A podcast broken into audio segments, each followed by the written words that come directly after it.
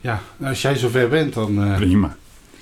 aflevering 4 Aflevering 4. van onze podcast. Podcast. Ja. Thema. Inspraak. Wie had dat een jaar geleden, wie had dat een jaar geleden gedacht, eh, Geert? Uh, podcast, ik niet. Ik, Nee. ik moet zeggen, podcast, ik heb eigenlijk pas, ehm, schatting, een maand of vier dat ik een podcast volg. Maar die volgen al jij en ik dan ook wel vrij nadrukkelijk. En die is van, eh, van de Wulp en Ja, dat is die politieke eh, podcast van Radio Politieke 1. postkaart, Ja. vrijdagmiddag. Schitterend om dat te volgen van de, de analyses, wat er om het hele spel heen gaat. Eh, hun inschattingen, voorspellingen, die echt zo af en toe nergens op slaan. En het volgende moment zitten ze echt spot on erbovenop. Vind, vind ik gewoon echt leuk om te Ja, volgen. dat is het mooie inderdaad. Er kan wat verdieping in podcasts eh, plaatsvinden. En dat doen wij natuurlijk ook in onze D66 eh Moerdijk podcast. Ja. Lieve luisteraars, van harte welkom. We zijn al eh, begonnen in ons gesprek. U eh, mag al eh, deelgenoot zijn. We hebben drie podcasts gehad. De eerste was met Geert, onze fractieleider, die ook weer eh, aanwezig is in eh, podcast nummer 4. Nummer 2 was voor Ine Kuipers, die eh, verteld heeft over de participatie. En, ehm wat was het nou? Participatie en onderwijs. Dus heel even nadenken wat het was. En ehm, ja, vorige podcast was onze, voor onze Benjamin van eh, onze fractie, Floris Stoot, die eh, inging op, de, op het, de woonproblematiek binnen de gemeente, de sluiprouteproblematiek binnen de gemeente en natuurlijk ook de jeugdparticipatie. En ja, nu eh, podcast nummer 4, dus jij mag weer aanschrijven Geert. Ja. Waar wou je het vandaag over hebben? Eh, betrekken van de mensen bij de politiek hier in Moerdijk, bij het besturen van de gemeente. eh, en kijken waar we als gemeente naartoe willen. En waar willen we als gemeente naartoe? Ja, dat is een logische vraag natuurlijk. Eh, althans, waar willen wij als D66 Moerdijk voor de gemeente richting aan geven? Ehm, in ieder geval, en dat hebben we natuurlijk ook in het programma aangegeven, leefbare kernen. Leefbare kernen met hun eigen identiteit. Mhm. Eh, waarom dat laatste? Ehm, alle kernen zeggen allemaal, we moeten bouwen, bouwen, bouwen. Klopt. Maar ik heb ook bijvoorbeeld in het lokale krantje in, eh in Feyenaard heel duidelijk gezegd van, laten we wel wezen, we gaan in Heiningen geen waterwijk erbij bouwen. Eh, Dat is een 100 woningen. Nee, dat wordt Want dan dat- is Heiningen Heiningen niet meer. En we gaan idem bij Feyenaard geen Zevenbergen Oost van 1000 woningen erbij bouwen. nee. Dus bouwen, ja, maar met behoud van het karakter van de kern waar we over praten. en, Eh, Dus, en, en dat is de richting die je zoekt. En dat merk je ook als je met de mensen in gesprek gaat, als je het over bouwen hebt. Eh, en, en je gaat dus eens een keer die andere kant van die medaille laten zien. Zeg van jongens, oké, dan gaan we bouwen. Hoeveel wil je bouwen? Dan komen toch dit soort zaken eruit. Dan hoor je ook van de mensen uit Feyenoord van nee, ik hoef geen Phoenixwerk erbij. En dat beeld, daar moeten we de komende tijd hard aan gaan werken, denk ik, om met de mensen in de verschillende kernen te kijken waar wil je met jouw kern naartoe. En dat klopt ook met waar de gemeente mee bezig is. Hè? Mhm. We zijn bezig met de omgevingsvisie te maken. Ja. En die omgevingsvisie moet eigenlijk vastleggen wat ik zo net beschreven heb. Dus waar de mensen met hun kern naartoe willen. Maar dat is dan ook per kern kan dat natuurlijk verschillend zijn. Ja. Inwoners van Zeven, Zevenberg kunnen een totaal andere visie hebben dan de inwoners van Feyenaard of Langeweg, eh Zevenbergse Hoek, Standerbuiten of waar dan ook. Zeker weten. Ik denk dat het expliciet zo is. Toch moet je wel, denk ik, eh, zeggen. We moeten de mensen motiveren om aan die discussie deel te nemen. We hebben afgelopen week in de Raad met het bouwproject eh, Willemstad Oost Ja. weer een uitstekend voorbeeld gezien waarom je met dit soort theoretische handelingen als die omgevingsvisie mee moet doen, omdat het alternatief voor Oost, bouwproject Elim, Mhm. die viel niet in de structuurvisie. En de structuurvisie uit 2011 ja. Is de voorganger van de omgevingsvisie die we komend jaar gaan maken. Dus de, om, de omgevingsvisie wordt daarop voortbeduurd. Mag ik dat zo zien? Eh, ja, maar er zal ook wel weer nieuwe, eh, nieuwe zaken in vastgelegd worden. Hè? Dus in die structuurvisie was een pijltje getekend van als Willemstad extra woningbouw krijgt, Mhm. dan gaan we naar Oost, richting Noordschans. Dat is één pijltje in een tekening. Met verstrekkende gevolgen. Ja. Nou, dat pijltje is nu ingevuld. Dus we zullen bij Willemstad opnieuw moeten kijken. Als we straks nu weer gaan bouwen, welke kant gaan we op? Wat doen we En dan? Wat doen we dan? Dat is de discussie die we straks gaan krijgen. En, en de uitdaging voor de gemeente, maar ook voor alle politieke partijen en dus ook D66 is: hoe krijgen we de mensen zover dat men nu meedenkt met deze ontwikkeling? Want als we die ontwikkeling nu missen, Echt dan, feit dan aan. komt er straks ligt er een vastgelegde visie. Ja. Eh, en dan wordt het weer moeilijk om dat bij te stellen. Ehm, het is natuurlijk ook zo dat als je de inwoners eh, in, in, in de kernen mee laat denken, kan ik me dan zomaar voorstellen dat je ook extra draagvlak creëert voor de plannen die gegroeid of eh, ontwikkeld gaan worden. Dat is absoluut de bedoeling. De, mensen dat ze weten welke kant willen we als gemeente op, dat men daarin mee kan spreken. Dat we ook zaken heroriënteren naar wat, wat de mensen zelf willen. Hè. Eh, een van de dingen bijvoorbeeld voor de bouwontwikkeling van Feyenaard is de tekening. Nou, jij kent Feyenaard. Ja. Eh, maar de bouwrichting is vanuit de huidige bebouwing richting de Aldi. Ja, be- het, het, het centrum uit. Ja. Eh, en dan krijg je zo'n mooie langgerekte strook. En Mhm. op de ene uiterste ligt dan de kern, de is Ja. Een beetje een raar gevoel. Als je dan dus met de huidige ontwikkeling van de vitale kern Feyenaard... Hè, rondom de Voorstraat, daar Ja. een gezellig eh, contactplein maken... een beetje zoals de markt hier in, in Ja. Zevenbergen... Mhm. Ja, dan zou je willen dat je woningbouw daar ook omheen ligt. En dan ga je denken aan van nee, dan gaan we niet richting Aldi. Dan gaan we rondom zeg maar, het huidige eh, evenemententerrein en dergelijke daar uitbreiden. Ehm, dan krijg je visioenen als een, een ringweg die zuidelijk om Feyenoord heen gaat. Ja, zodanig dat je ja. niet meer met die auto door de kern hoeft. Autoruw. Wat natuurlijk ook weer auto- een punt van D66 Ja. Moerdijk. Autoluw. Maar let erop, met een omgevingsvisie praten we over een beeld voor de komende 10, 20 jaar. En dan is plotseling dit soort ideeën niet zo gek meer. Nee. Voor morgen gaat het niet zijn. Nee, wat, wat, er, wat ermee besloten gaat worden is voor een behoorlijk lange termijn. Hele lange termijn. Ja, dus Ja, daar want- moet goed over nagedacht worden, want anders ehm, staat het vast. Ehm, is er dan op latere momenten nog op af, aan ehm, af te wijken? terug- Is er nog van af te wijken? Je kunt erop terugkomen. Maar, maar je ziet hoe dat spel gespeeld heeft in Willemstad. Men heeft dat, dat pijltje getrokken in 2011. Dat Ja. is een actie van de gemeente Moerdijk geweest. Maar twee jaar terug heeft de provincie een omgevingsvisie opgesteld. En wat schetst de verbazing? Dat pijltje staat erin. Ja, dat is geen verbazing eigenlijk. Die hebben de plannen die er zijn gewoon meegenomen en hun visie opgenomen. Dus Omdat het besloten is door de gemeente Moerdijk in dat- 2011. ja, Ja, maar nu is dat pijltje in de omgevingsvisie van de provincie in één keer een probleem voor het bijstellen. Want dan moeten we ook de provincie overtuigen van nee, dat pijltje staat er wel, maar we willen de andere kant op. En waarom willen we dat? terwijl er een, een wijziging van zienswijze kan zijn ontstaan door wat er de afgelopen tijd natuurlijk gebeurd is. Ja, ja. En, en je ziet dus ook, van, daar heb ik afgelopen donderdagavond ook op, eh, op aangehaald. Zo van jongens, eh, in de, ik had vragen gesteld zo van, eh, hoe had ik dat nou ook gezegd? Ik had vragen gesteld over Elim en Oost en wat wel kon en, en of dat samen kon. Er werd dus op een gegeven moment door de gemeente ook aangegeven van ja, maar de richting vanuit de visie is richting Oost en die visie is bindend voor de gemeente. Dus de, de gemeente in zijn spraakgebruik ehm, houdt dus de wens om af te wijken van zo'n visie, eh, houdt ze op afstand. Probeert ze terug te duwen. Maar een visie is geen beton, kunnen we op terugkomen. En daar moet je dan als raadsleden, denk ik, ook eh, positie in kiezen. Ehm, door te zeggen van, wat jullie hier mij vertellen, dat, dat klopt niet. Visie, prima. Richtinggevend voor vele jaren. Maar als er gewijzigde omstandigheden zijn, als er argumenten zijn door andere plannen die ingediend worden, dan moeten we van een visie kunnen afwijken. Zolang het maar gegronde redenen kunnen Je moet zijn. reden hebben, Ja. anders, Nee, anders is het duidelijk. geen toegevoegde waarde.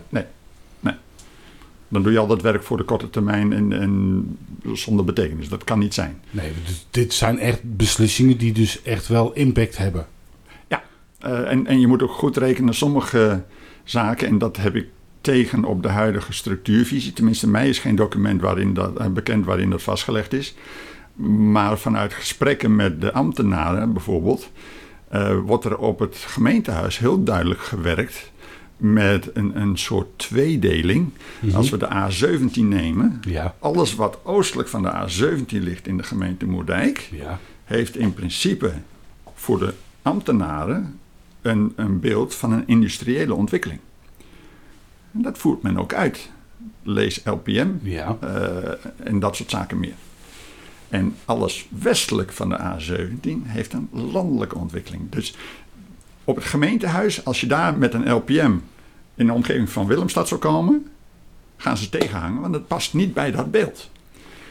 Dat is visie. Ja. Daar ben ik het in principe ook mee eens. Mhm. Alleen we moeten dat wel delen met onze inwoners, zodanig dat we het daar gezamenlijk mee eens zijn. En dat zij op de hoogte zijn van de visie en richting uh, van denkwijzes die er zijn. Ja, ja. Want dit, dit is volgens mij amper tot niet bekend binnen de inwoners van Moerdijk. En, en dat vind ik een probleem. Is dan de gehele manier van communiceren, is daar dan nog op wat op aan te merken? Is, kan daar nog wat gewonnen worden als bestuur? Oh, eh, gewonnen zeker. Uh, kijk, als je zegt van is daar wat op aan te merken, en dan, dan heb ik toch de neiging van oké, wat zou ik doen als ik die ambtenaar ben? Want je gaat de moeilijkheden zoeken natuurlijk als je dit gewoon expliciet op tafel legt. Maar kunnen, kunnen wij daar als, als gemeenteraadsleden uh, invloed op uitoefenen? Met die omgevingsvisie ja, want daar moet dat in feite komen. Ook over de wijze van communicatie? Je kunt aangeven. over, over, te, ja, over, te vinden, over te vinden sowieso. Te vinden, zeker. Uh, je hoort natuurlijk ook heel veel in de raad van uh, er moet beter gecommuniceerd worden, de mensen moeten betrokken worden, mensen inspraak hebben. Um, dat is aan de andere kant ook wel eens een keer gemakkelijk gezegd. Dat, dat kun je heel makkelijk roepen in de raadzaal, om die communicatie vervolgens vorm te geven, zodanig dat de mensen ook aanhaken. Dat is best wel lastig. Volgens mij heb ik met jou wel eens een keer over gehad toen, toen we het over de rest hadden. Dat ik ja. bijeenkomsten in, in Willemstad, Klundert en Zevenbergen georganiseerd heb over een onderwerp wat veel impact heeft. Hè? De windmolens, de zonneparken. Ja. En dat bij elke bijeenkomst zeven mensen aanwezig waren. En dan denk je van, mm, ja, maar hoe bereik ik ze? Ja, inderdaad. Er zijn natuurlijk wel wegen via de sociale netwerken. Maar leeft het dan ook? Zou, zou het dan ook leven onder de bewoners? Als je mensen zo op straat aanspreekt. En we hebben natuurlijk de afgelopen tijd her en der zijn we regelmatig aangesproken door mensen. Is dat dan echt nog een hot topic voor mensen? Ja, eh, wel. Als je het erover hebt van uh, ontwikkeling. We hebben een, een, een, atelier, noemde de gemeente dat geloof ik, een week of twee terug gehad, digitaal. Rondom de omgevingsvisie. Mm daar heb ik ook kenbaar gemaakt dat dat D66 niet principieel tegen windmolens is. Hè, want windmolens vervangen vijf Eén windmolen vervangt 5 hectare zonnepanelen. Uh, en kan ook s'nachts werken, wat een zonnepaneel uh, principieel niet doet. Um, waarop een van de aanwezigen direct reageerde zo van... Ja, maar... Maar die haakte aan op de toezegging rondom de molens op het industrieterrein richting Klundert. Ja. En die is niet ingevuld. Nee, en dat, dat daar onvrede bij de mensen in Klundert zit, kan ik me volledig voorstellen. Ja. En als je met concrete voorbeelden komt. De, de, die restdiscussie die we gevoerd hebben, die was te abstract. Heel duidelijk daar mensen niet kunnen bereiken. Ehm, als je het hebt over concrete voorbeelden waar je windmolens zou kunnen plaatsen. Mhm. En mijn voorbeelden zijn dan altijd, ik, ik irriteer me nog steeds aan de uh, vuilstort hier. die daar gewoon maar ligt en die geld van ons opsoepeert en niets terug doet. Um, en aan de andere kant, bij Feyenaard hebben we vijf windmolens aan de markt staan op Haldenbergsterrein. Als je aan Moerdijksterrein daar vijf windmolens tegenaan zet, dan doet dat qua zicht eigenlijk nagenoeg niets. De mensen die er wat van vinden, die vinden er toch al wat van, omdat er al vijf staan op het terrein van Haldenbergen. En, en sowieso, dat moet je daarin wel meenemen. We hebben met het A16-project, denk hard geleerd over communicatie rondom dit soort projecten. Mm dat zit niet op het moment dat je begint van ik wil ergens een x aantal windmolens wegzetten. Pas als je weet waar dat ergens is, dan kun je concreet met de mensen gaan praten. En kijken van oké, waar, zit, waar, waar zitten de problemen in? Hoe kunnen we daar een stuk aan tegemoet komen? Ehm, en we hebben dat bij de A16 gedaan. Ik heb gesproken met eh, zo'n boerin die daaronder woonde. Ja. En die zegt ook heel duidelijk van ja, maar ik heb afspraken met deze eh, projectontwikkelaar. Op het moment dat ik, eh, ik meen dat daar iets van ergens tussen de 50 en 100 uur of zo, als die slagschaduw van die windmolen door hun Ja. keuken gaat, dat mag maar een x aantal uren per jaar plaatsvinden, anders gaat de molen plat als dat gebeurt. Dan wordt die stilgezet. En dan praat je over windmolens die dus de slagschaduw in je huis krijgen. Hè? Dus daar is ook een, een participatie gewenst van de mensen. Ja, Qua inspraak. Ja, maar de- rondom de A16 is er heel uitgebreid ingesproken. Hè? Mhm. Ik ben bij een aantal avonden in Lage Zwaluw geweest. Dat was daar de bijeenkomstsite. en dat hebben ze daar denk ik heel goed gedaan door ook middels eh, computertekeningen. Daar kon je van tevoren kijken. Er staat nog geen windmolen in, mens. Nee. Maar je kon zien hoe het eruit zou gaan zien vanuit lange weg kijkende. Liet ze gewoon zien. En dan had je de mogelijkheid van de windmolens kon op een rijtje komen te staan. Of ze kwamen in een soort groepje te staan. Een klein bosje windmolens. Dus die keuze werd voorgelegd. Van zo ziet het er als rijtje uit. Zo ziet het er als groepje uit. Wat is jullie voorkeur? Nou, dan, dan heb je dat gesprek. Niet één keer, niet twee keer. Nee, dit is herhaaldelijk. Iedere keer stadia, stappen zijn mensen meegenomen. Ja, en daar gingen mensen dus op in. En daar, daar wordt dan wel naar geluisterd om dat in ieder geval mee te willen nemen in de plannen. Ja, ja. En daarbij komt dan nog natuurlijk de factor, en ook dat heeft wel degelijk invloed gehad. eh, sommigen noemen het afkopen. Maar het beleid van Moerdijk, eh, en Moerdijk was daar de eerste mee. Dat is nu toch breder in Nederland uitgedragen en ingezet. Dat 25% van de opbrengst van een windmolenpa van een alternatieve energievoorziening, die moet naar de omliggende eh inwonerskernen terugvloeien.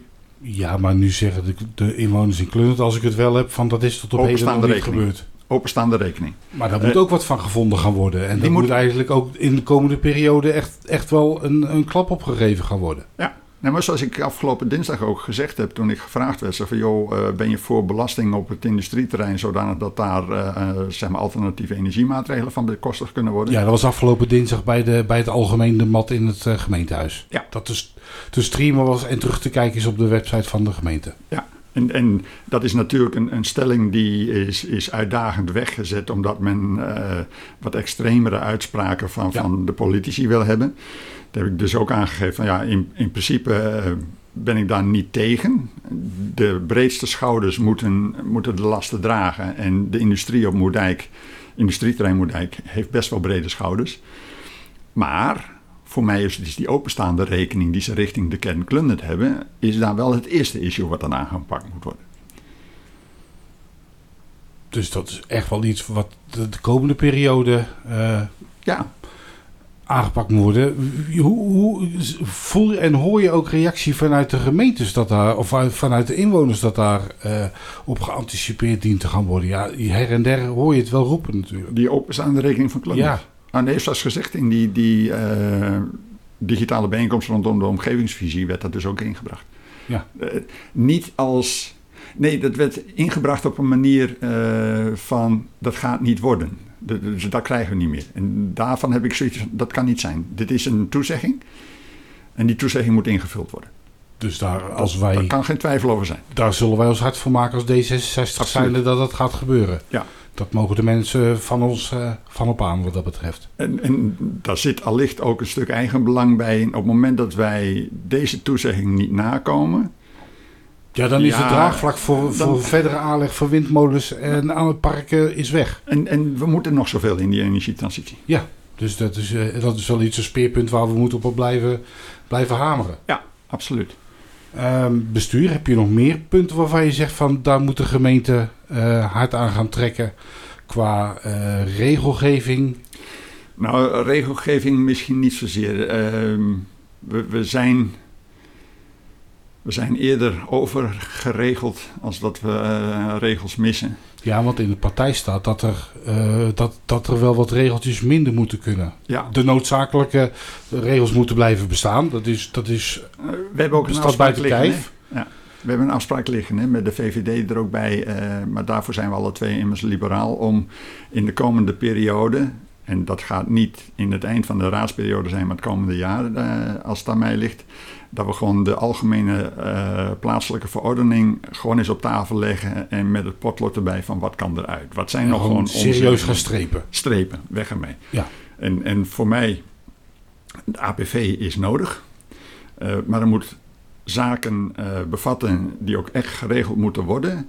En die we handhaven. Als een regel niet gehandhaafd wordt, vind ik, moet die uit de APV. Dan moet je ook niet zeggen van dit is een regel. Nee, want dan is het een soort placebo-maatregel die genomen is. En Dat is duidelijk, dus daar is ook nog wel een eh, behoorlijke weg te gaan. eh, Daar is zeker een weg te gaan. En eh, zijn daar meerdere partijen, behalve dan de VVD, die het libera, libera, Liberaal, ja, het is soms een moeilijk woord. liberalisme eh, Nee, ik niet denk uit de dat weg gaan? Dat is, dat is wel een bredere steun voor. Op onderdelen eh, hier en daar ga je dan weer partijen hebben die afhaken. Eh, Het mag duidelijk zijn als je over de winkelsluitingen terechtkomt, dan gaat ChristenUnie Ja. niet meedoen en de en CDA ook zeer twijfelachtig. Eh, en zo heb je her en der wel, wel zaken. Maar goed, laten we gewoon al die zaken eens een keer tegen het licht houden. De argumenten waarom we de regel willen handhaven. Ja. En dan de vraag erbij van, kunnen we dat handhaven? En als beide ja is, dan zijn, gaan wij niet tegenhangen. Nee, zeker niet. Of, of je dan eh, in de coalitie zit of in de zogenaamde eh, oppositie zit. Daar, daar is, er is, en dat heb jij mooi omschreven in een van de stukken. Ik denk dat het in de Moerdijkse Bode was. Dat we niet willen denken vanuit eh, coalitie versus oppositie. Het- het was in het begin van de vorige raadsperiode, ehm, hebben we direct zo'n beetje in de eerste maand of zo hebben we een oppositieoverleg gehad. En daar kwam toen op een gegeven moment de, de beslissing uit voort eh, dat we met één gezamenlijk statement van de oppositie zouden komen. Ehm, dan moet je er direct bij constateren, de anderen kenden elkaar van de raadsperiode daarvoor. Ja, want D66 was, was nieuw, was de eerste raadsperiode waar we in zaten. En wij waren nieuw in, in het hele gebeuren. Eh, ik heb het proces eerst laten lopen. Daar is een voorstel geschreven door een van de mensen die betrokken was. En toen heb ik direct ook teruggereageerd. Zo van, sorry, maar dit ga ik niet ondertekenen, want dit is mijn, mijn geluid niet. Zo werk ik niet. Nee. Eh, en eigenlijk is dat ook de enige bijeenkomst. Nee, niet waar. Daarna is er nog één keer een oppositiebijeenkomst geweest. Dat we echt als oppositie samengewerkt hebben. En- Maar dat is ook goed geweest toen. En dat was bij de bezuinigingen in 2019. Ja, dus dat was pure noodzaak.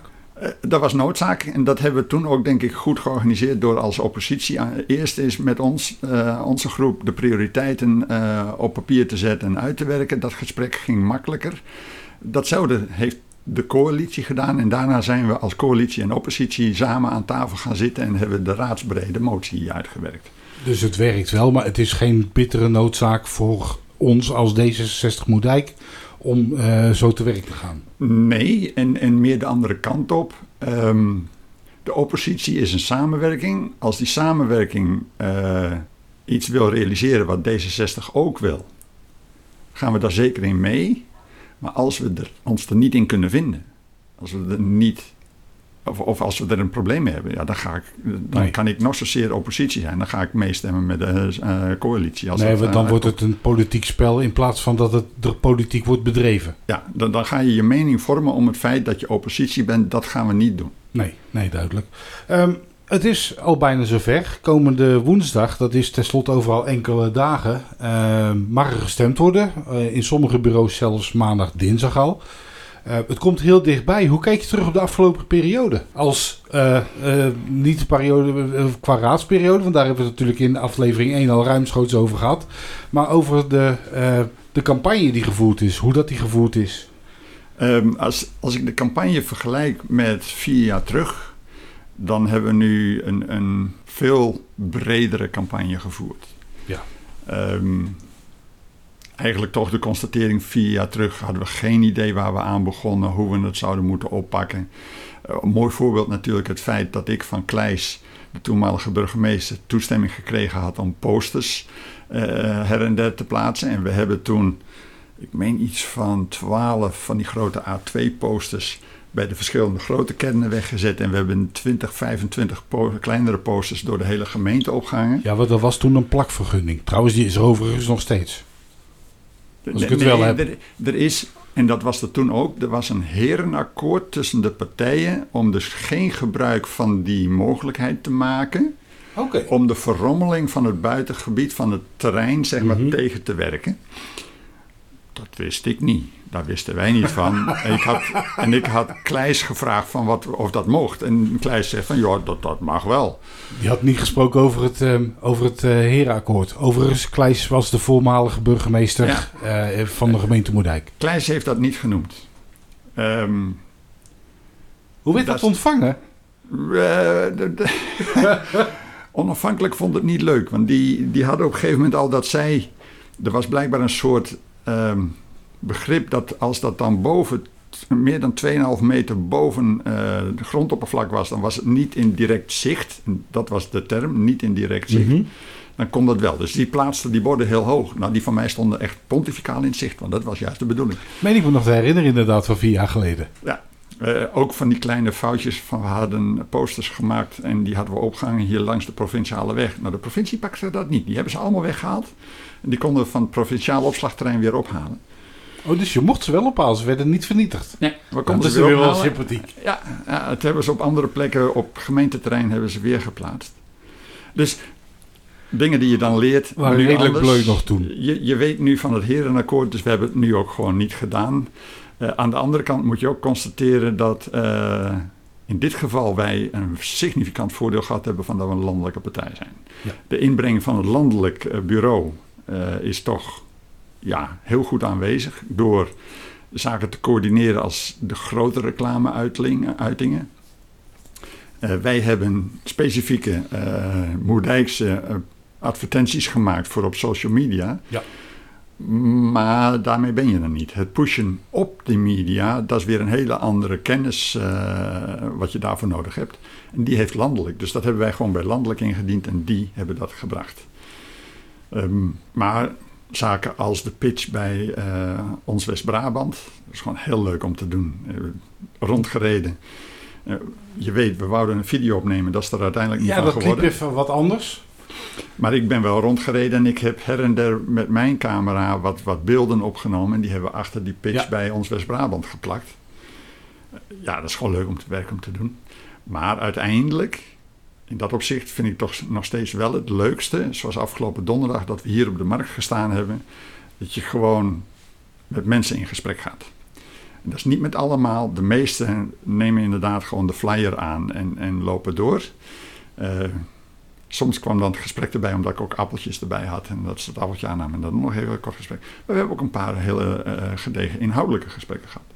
Merk, merk je nu dat, eh, nou, laten we het zo zeggen, de landelijke politiek heeft de afgelopen jaar toch best wel met corona en de moeilijkheden met het formeren van de eh, huidige regering, dat daar wat aversie is ontstaan door de mensen?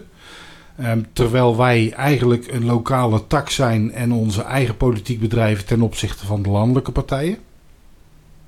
Nee, als je dat zo vraagt.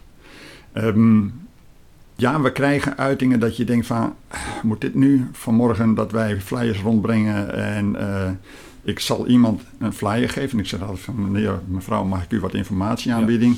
Eh, de betrokkenen die ziet het logo en zegt van... nee, die hoef ik niet. Ja, prima, joh, dan, dan niet, hè, dan, Nee. dan loop ik door. En vervolgens begint hij ons na te roepen, mij en mijn vrouw... Eh, ja, de, de, de, de afbrekers van ons land. En, en dat werd steeds agressiever. Mhm. En dan zit je echt even zo in discussie, in, in- met jezelf in discussie. Zo van, moet ik hierop ingaan? Ehm, of, of laat ik het aan mij voorbij gaan? Als ik de indruk gehad had dat ik een discussie had kunnen hebben... dat ik met iemand had kunnen praten... Mhm. Dan was ik erop ingegaan. De- de- Deze persoon, die was eigenlijk gewoon mij aan het tatten. Die, die was mij aan het tatten en, en die had geen enkele behoefte om een gesprek aan te gaan. Dus dan is zo van, nou, laat maar zitten. Dat negatieve beeld, dit was de meest extreme die we gehad hebben in de afgelopen eh, twee, drie weken toch. Dat heb ik in die twee, drie weken vier keer gehad. Heb je het idee dat mensen stemmen op de lokale tak van D66 als ze op ons stemmen? Mm, Dat weet je niet goed. Het is, kijk, Den Haag bepaalt niet wat wij doen. Nee, dat is natuurlijk het gevaar. Nee, maar aan de andere eerst? kant, ja, maar aan de andere kant, ehm, het zijn gedeelde ideeën en waarden die ons als D66 leden en stemmers bindt. Ja.